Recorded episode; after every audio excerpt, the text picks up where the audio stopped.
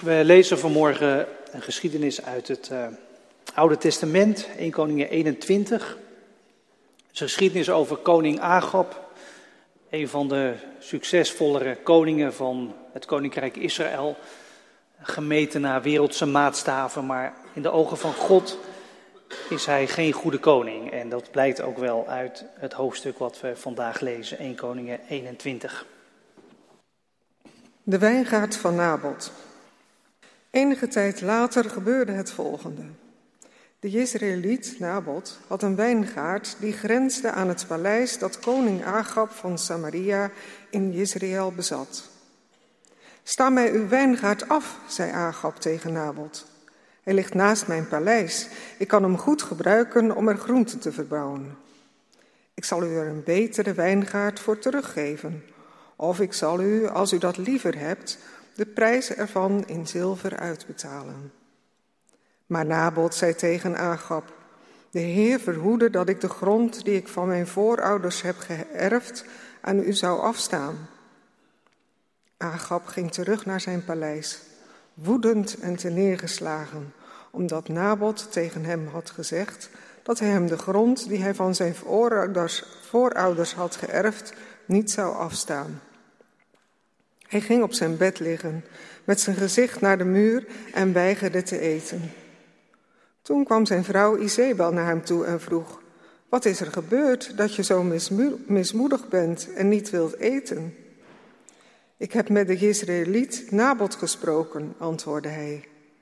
Ik heb hem gevraagd mij zijn wijngaard te verkopen, of als hij dat liever had, kon hij er een andere wijngaard voor terugkrijgen maar hij weigerde zijn wijngaard aan mij af te staan. Daarop zei Izebal, wat? Jij bent toch de koning van Israël? Sta op en eet wat, dat zal je goed doen.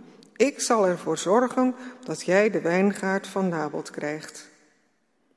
Uit naam van Agab schreef Izebel brieven, verzegelde die met het koninklijke zegel en stuurde ze naar de oudsten en aanzienlijksten in de stad waar Nabot woonde.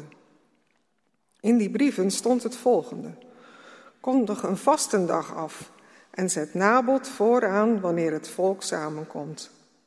Laat dan twee mannen die nergens voor terugdeinzen tegenover hem plaatsnemen en hem beschuldigen van godslastering en majesteitsschennis. Daarop moeten hem buiten de stad brengen en stenigen. Nabots stadsgenoten, de oudsten en aanzienlijksten van zijn woonplaats, deden wat Izebel hun had opgedragen in de brieven die ze had gestuurd. Ze kondigden een vastendag af en lieten Nabot vooraan zitten toen het volk samenkwam. Twee mannen namen tegenover hem plaats en beschuldigden hem ten overstaan van het volk van godslastering en majesteitsschennis. Daarop werd hij buiten de stad gebracht en gestenigd. Ze stuurden Izebel bericht dat Nabat door steniging ter dood was gebracht. Toen Izebel hoorde dat Nabot gestenigd was, zei ze tegen Agab: Je kunt de wijngaard die de Israëliet Nabot je weigerde te verkopen, in bezit nemen, want Nabot leeft niet meer, hij is dood. Toen Agab hoorde dat Nabot dood was, ging hij naar Israël om de wijngaard van Nabot in bezit te nemen. De Heer richtte zich tot de Tisbiet Elia met de woorden: Kom, ga Agab, de koning van Israël, tegemoet. Hij is vanuit Samaria naar de wijngaard van Nabot gekomen om die in bezit te nemen. Zeg tegen hem: Dit zegt de Heer: Je hebt een moord gepleegd en je het bezit van een ander toegeëigend. Zeg hem ook: Dit zegt de Heer. Op de plaats waar de honden het bloed van Nabot hebben opgelikt, zullen ze ook jouw bloed oplikken. Toen Agab Elia zag, zei hij: Mijn vijand heeft me dus weer weten te vinden. Ik heb u gevonden, antwoordde Elia. U hebt, u hebt u ertoe geleend iets te doen dat slecht is in de ogen van de Heer. Daarom breng ik onheil over u.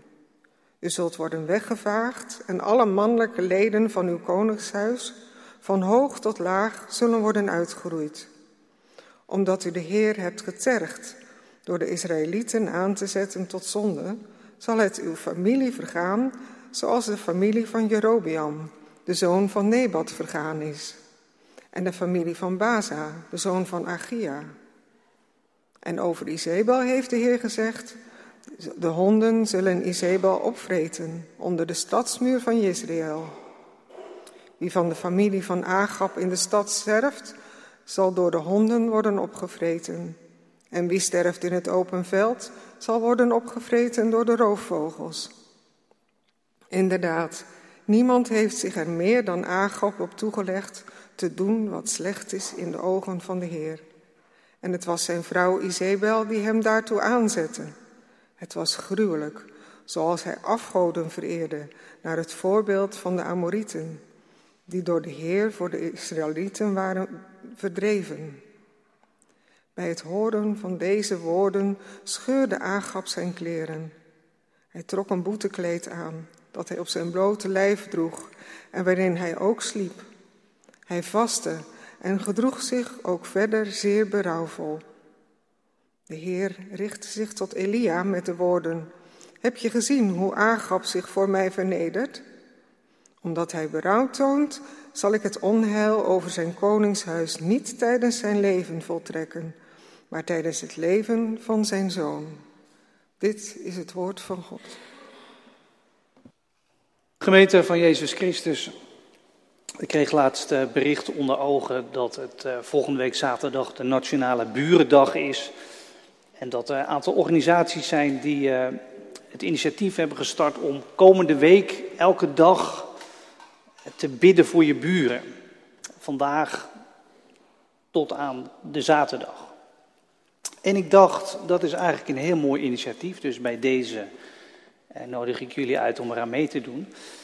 En het leek me ook wel eens mooi om, uh, om eens na te denken over onze buren. de mensen die bij je in de buurt leven, letterlijk, figuurlijk. Je straat op je werk, je familie op school, op je studentenvereniging, noem maar op. Je buren, dat zijn de mensen die naast je leven, je naasten. Nou is het natuurlijk een, open deur uh, dat je je naaste moet liefhebben als jezelf. Je naaste komt voor in de tien geboden, daarom lazen we dat vanochtend ook als wetslezing. Je naaste komt daar twee keer expliciet in voor. Geen vals getuigenis tegen je naaste, niet begeren wat van je naaste is. En die keer impliciet, niet doden, niet stelen, niet vreemd gaan.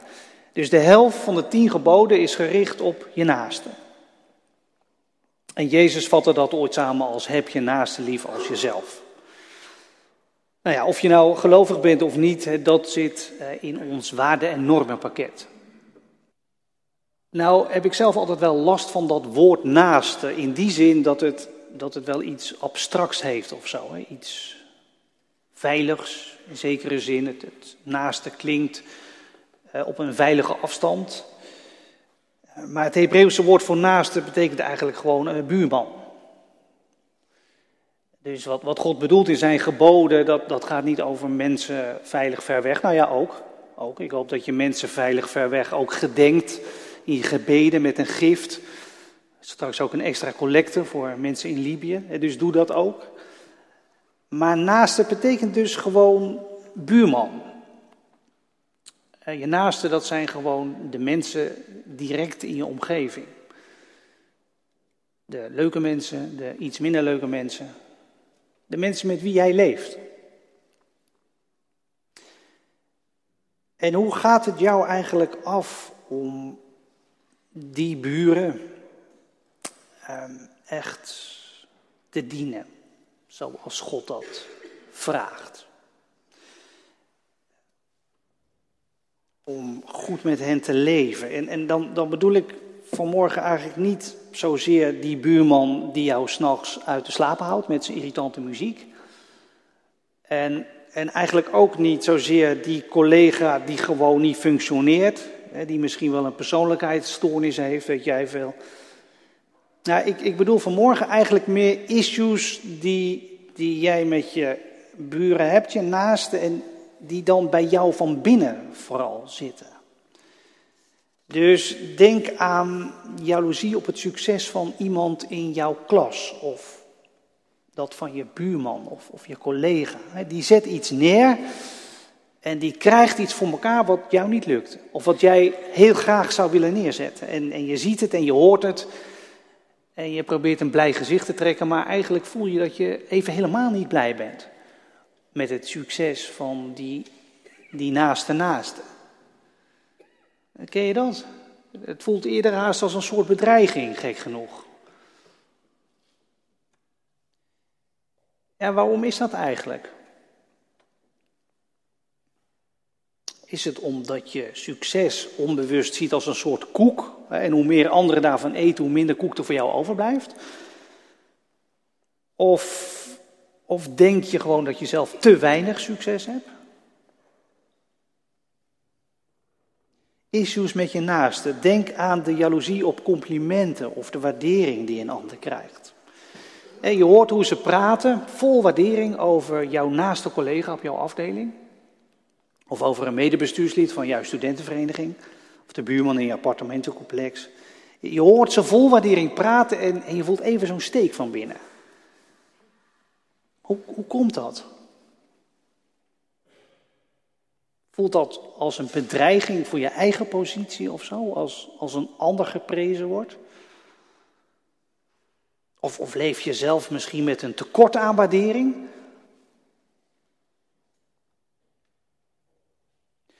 Denk aan wat die ander bezit en waar je misschien stinkend jaloers op bent, of wat jij ook per se wilt bezitten. Is dat omdat we denken dat we zelf niet genoeg hebben? Of denk eens aan die ander die, die niet met jouw plan wil meewerken, die, die jouw groei, jouw ontwikkeling, jouw uitbreiding in de weg staat. En die jouw ambities om, om winst te maken in de weg staat. Die, die is jouw concurrent en, en die moet aan de kant, uit de weg. Ja, heel herkenbaar natuurlijk, hè, dat je dat denkt. Uit de weg. Maar wat voor visie zit daar eigenlijk achter op jouw naaste? Is die ander dan een soort middel dat moet dienen voor jouw project? Of is die ander een bedreiging voor jouw welvaart of zo, of jouw welzijn?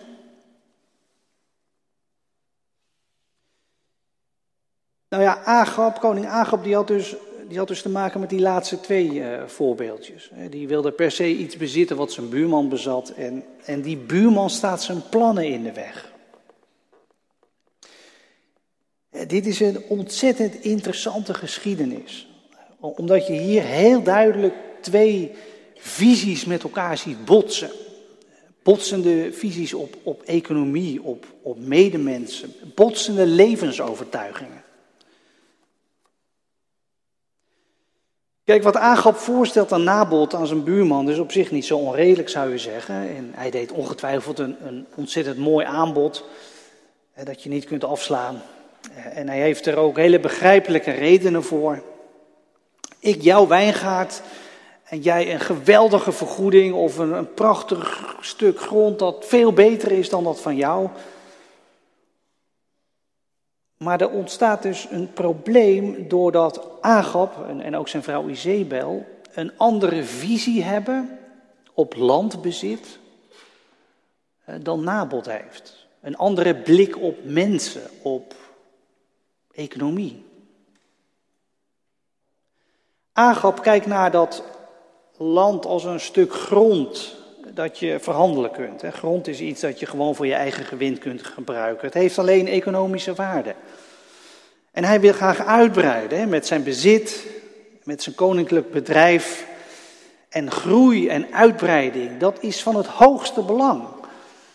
Ja, en mensen die dat in de weg staan, die zijn een bedreiging. En Nabot, Nabot kijkt naar, naar grond als een door God gegeven erfenis. Iets dat principieel niet verhandelbaar is. Hij kijkt er niet naar als iets met economische waarde. Land is voor hem een geschenk dat hij nodig heeft. Geschenk van God dat hij nodig heeft voor het bestaan van vandaag. En dat stuk land is, is voor hem ook het middel waarmee hij en zijn nageslacht deel kunnen blijven uitmaken van de geschiedenis die God schrijft met zijn volk. Het is zijn, zijn plekje in, in Gods geschiedenis. Dus Nabot ziet land als de onopgeefbare bestaansgrond die hij van God heeft gekregen. Ja, dus, dus in het denken van Nabot, dat, dat gebaseerd is op de geboden van de God van Israël, is het bestaan van mensen iets, iets heiligs. Iets dat je moet beschermen en, en laat bloeien. En, en daarom moet je de zaken die iemand nodig heeft om van te bestaan, daar moet je ook gewoon van afblijven. Daar moet je eerbied voor hebben. Daar gaan dus de tweede helft van de tien geboden over. Ik, ik zei dat net al. En, en heel expliciet dat tiende gebod. Dat je niet moet begeren, niet moet willen hebben wat van je naaste is. En er worden daar niet zomaar in dat gebod wat random dingetjes genoemd, of wat, wat luxe artikelen en mooie spulletjes. Nee, dat gebod noemt dingen die essentieel zijn voor het bestaan van je naaste. Je levenspartner, zijn lastdieren, zijn ploegdieren, zijn werkkracht. Daar gaat het om. En in dat tiende gebod staat dus ook dat je het huis van je buren niet moet begeren. En, en huis, dat, dat weet je misschien wel, dat is in de Bijbel eigenlijk een heel breed begrip. In het Oude Testament ook. Het, het is het gebouw waar je woont, maar het hele huishouden wat erbij hoort. En ook het bedrijfsbezit dat erbij hoort, de grond. De grond hoort ook bij je huis. De wijngaard van Nabot hoort bij zijn huis. En God zegt, moet je van afblijven. Dat soort essentiële dingen waarvan iemand moet bestaan, afblijven.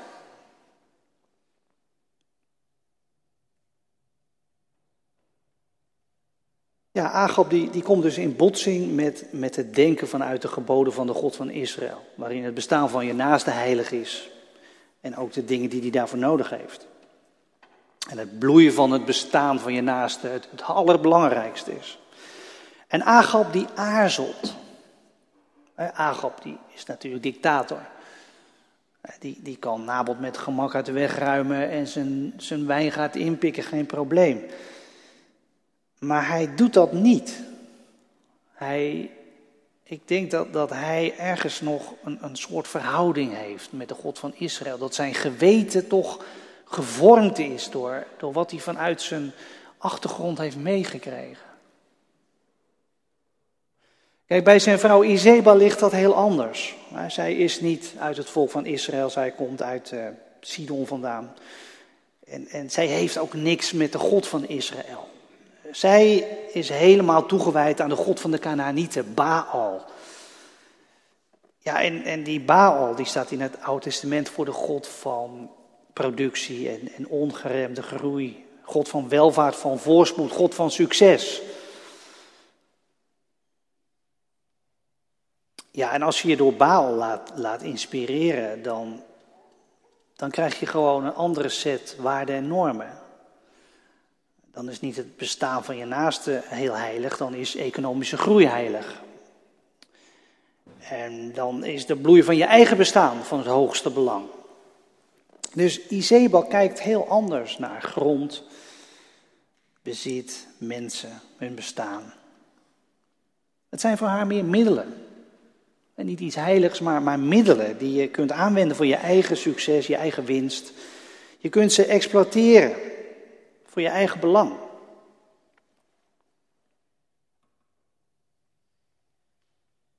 Ja, Baal, dat is, dat is wel echt een oude bekende. In onze samenleving zie je heel veel terug van Baal denken. In mijn eigen hart ziet het ook.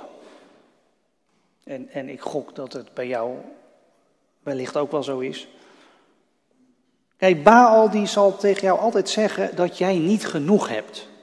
Je hebt niet genoeg bereikt, je bezit niet genoeg, je, krijgt niet genoeg waardering, je hebt niet genoeg grond bij je paleis, niet genoeg ruimte. Baal die laat jou altijd denken in termen van schaarste, tekort, niet genoeg. En, en dat doet Baal ook met een samenleving. Denken vanuit schaarste.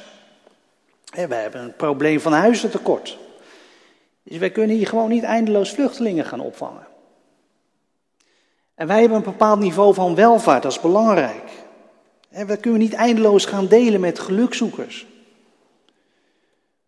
En de economie moet gewoon blijven groeien. Dus wij kunnen niet al te drastische maatregelen nemen om klimaatverandering tegen te gaan. We kunnen niet zomaar Schiphol laten krimpen. Of autogebruik verminderen. Of de fossiele subsidies afschaffen. Of... Ja, en weet je, het, het, lastige is natuurlijk, Baal praat geen onzin. wat, wat Baal zegt, ja, daar zit echt wel wat in. Heus wel. Alleen het is altijd redeneren vanuit tekort. En het gaat verkeerd als, als dat soort redenaties, dat soort Baal-gedachten, als die alles bepalend worden. En als die echt doorslag gaan geven. Kijk, dan krijg je dus afgoderij. Dat noemt de Bijbel afgoderij. Het dienen van Baal. En Izebel, ja, die volgt Baal rigoureus.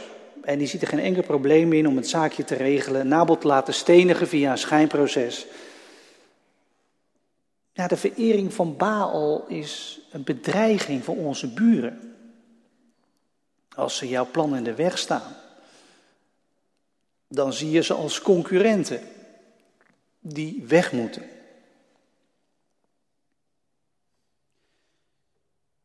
Het opvallende in die geschiedenis eh, is dat er een wit regeltje in zit. Eh, tenminste, zo is de tekst opgemaakt in dit hoofdstuk. En nadat dat allemaal is beschreven, is een stukje wit en dan, dan staat er opeens uh, de Heer. De Heer richtte zich tot Elia. Er is dus een God in Israël. In deze wereld. In onze wereld. In Rotterdam. Een God die de naam Heer heeft. Vier hoofdletters, dat betekent ik ben, ik ben betrokken. En die naam betekent niet alleen dat God op jou betrokken is, maar vooral ook dat hij betrokken is op jouw buren. Deze God heet Ik Ben. En het gaat over betrokkenheid op jouw naaste. Ook op jou, maar vooral ook op jouw naaste. En deze God, die kan er dus niet tegen als mensen hun buren benadelen, uitmelken, bedriegen, hun bestaan onmogelijk maken of erger nog, hun bestaan afnemen. Als je zulke dingen doet, dan haal je het oordeel van God over je heen. Je, je moet er verantwoording van afleggen. God komt daarop terug. En in deze geschiedenis op een hele heftige manier, met vretende honden, gruwelijk om te lezen. Kijk, het laat, het laat zien hoe, hoe heftig God dit opvat. Als jij je naaste uh, kapot maakt. Dat vat God dus ontzettend heftig op. Dat is iets wat, wat wij niet moeten vergeten, wat, wat we echt mee moeten nemen in, in onze manier van doen. Nou gaat het in deze geschiedenis natuurlijk over bestuurders. Agap en Izebel, dat waren machthebbers. Izebel schakelt voor haar Baalplannen lagere bestuurders in, oudste aanzienlijke heten ze. En al die bestuurders die gaan mee in het Baalbeleid van Izebel en dat wordt de dood van Nabot. Nou zitten hier in de kerk ook heel wat mensen die bestuurder zijn. Wat voor manier dan ook. Mensen die beleid maken, die leiding geven. Mag ik jou vandaag vragen wat jouw leiderschap, wat jouw beleid en aansturing betekent voor buren en collega's en medemensen? Volg jij beleid van jezelf of van de mensen die boven je staan, dat dat Baal als referentiepunt heeft? Of is voor jou uiteindelijk de God van Israël doorslaggevend. De God voor wie het bestaan heilig is van de mensen die jij aanstuurt. Of de mensen die jij raakt met jouw beleid.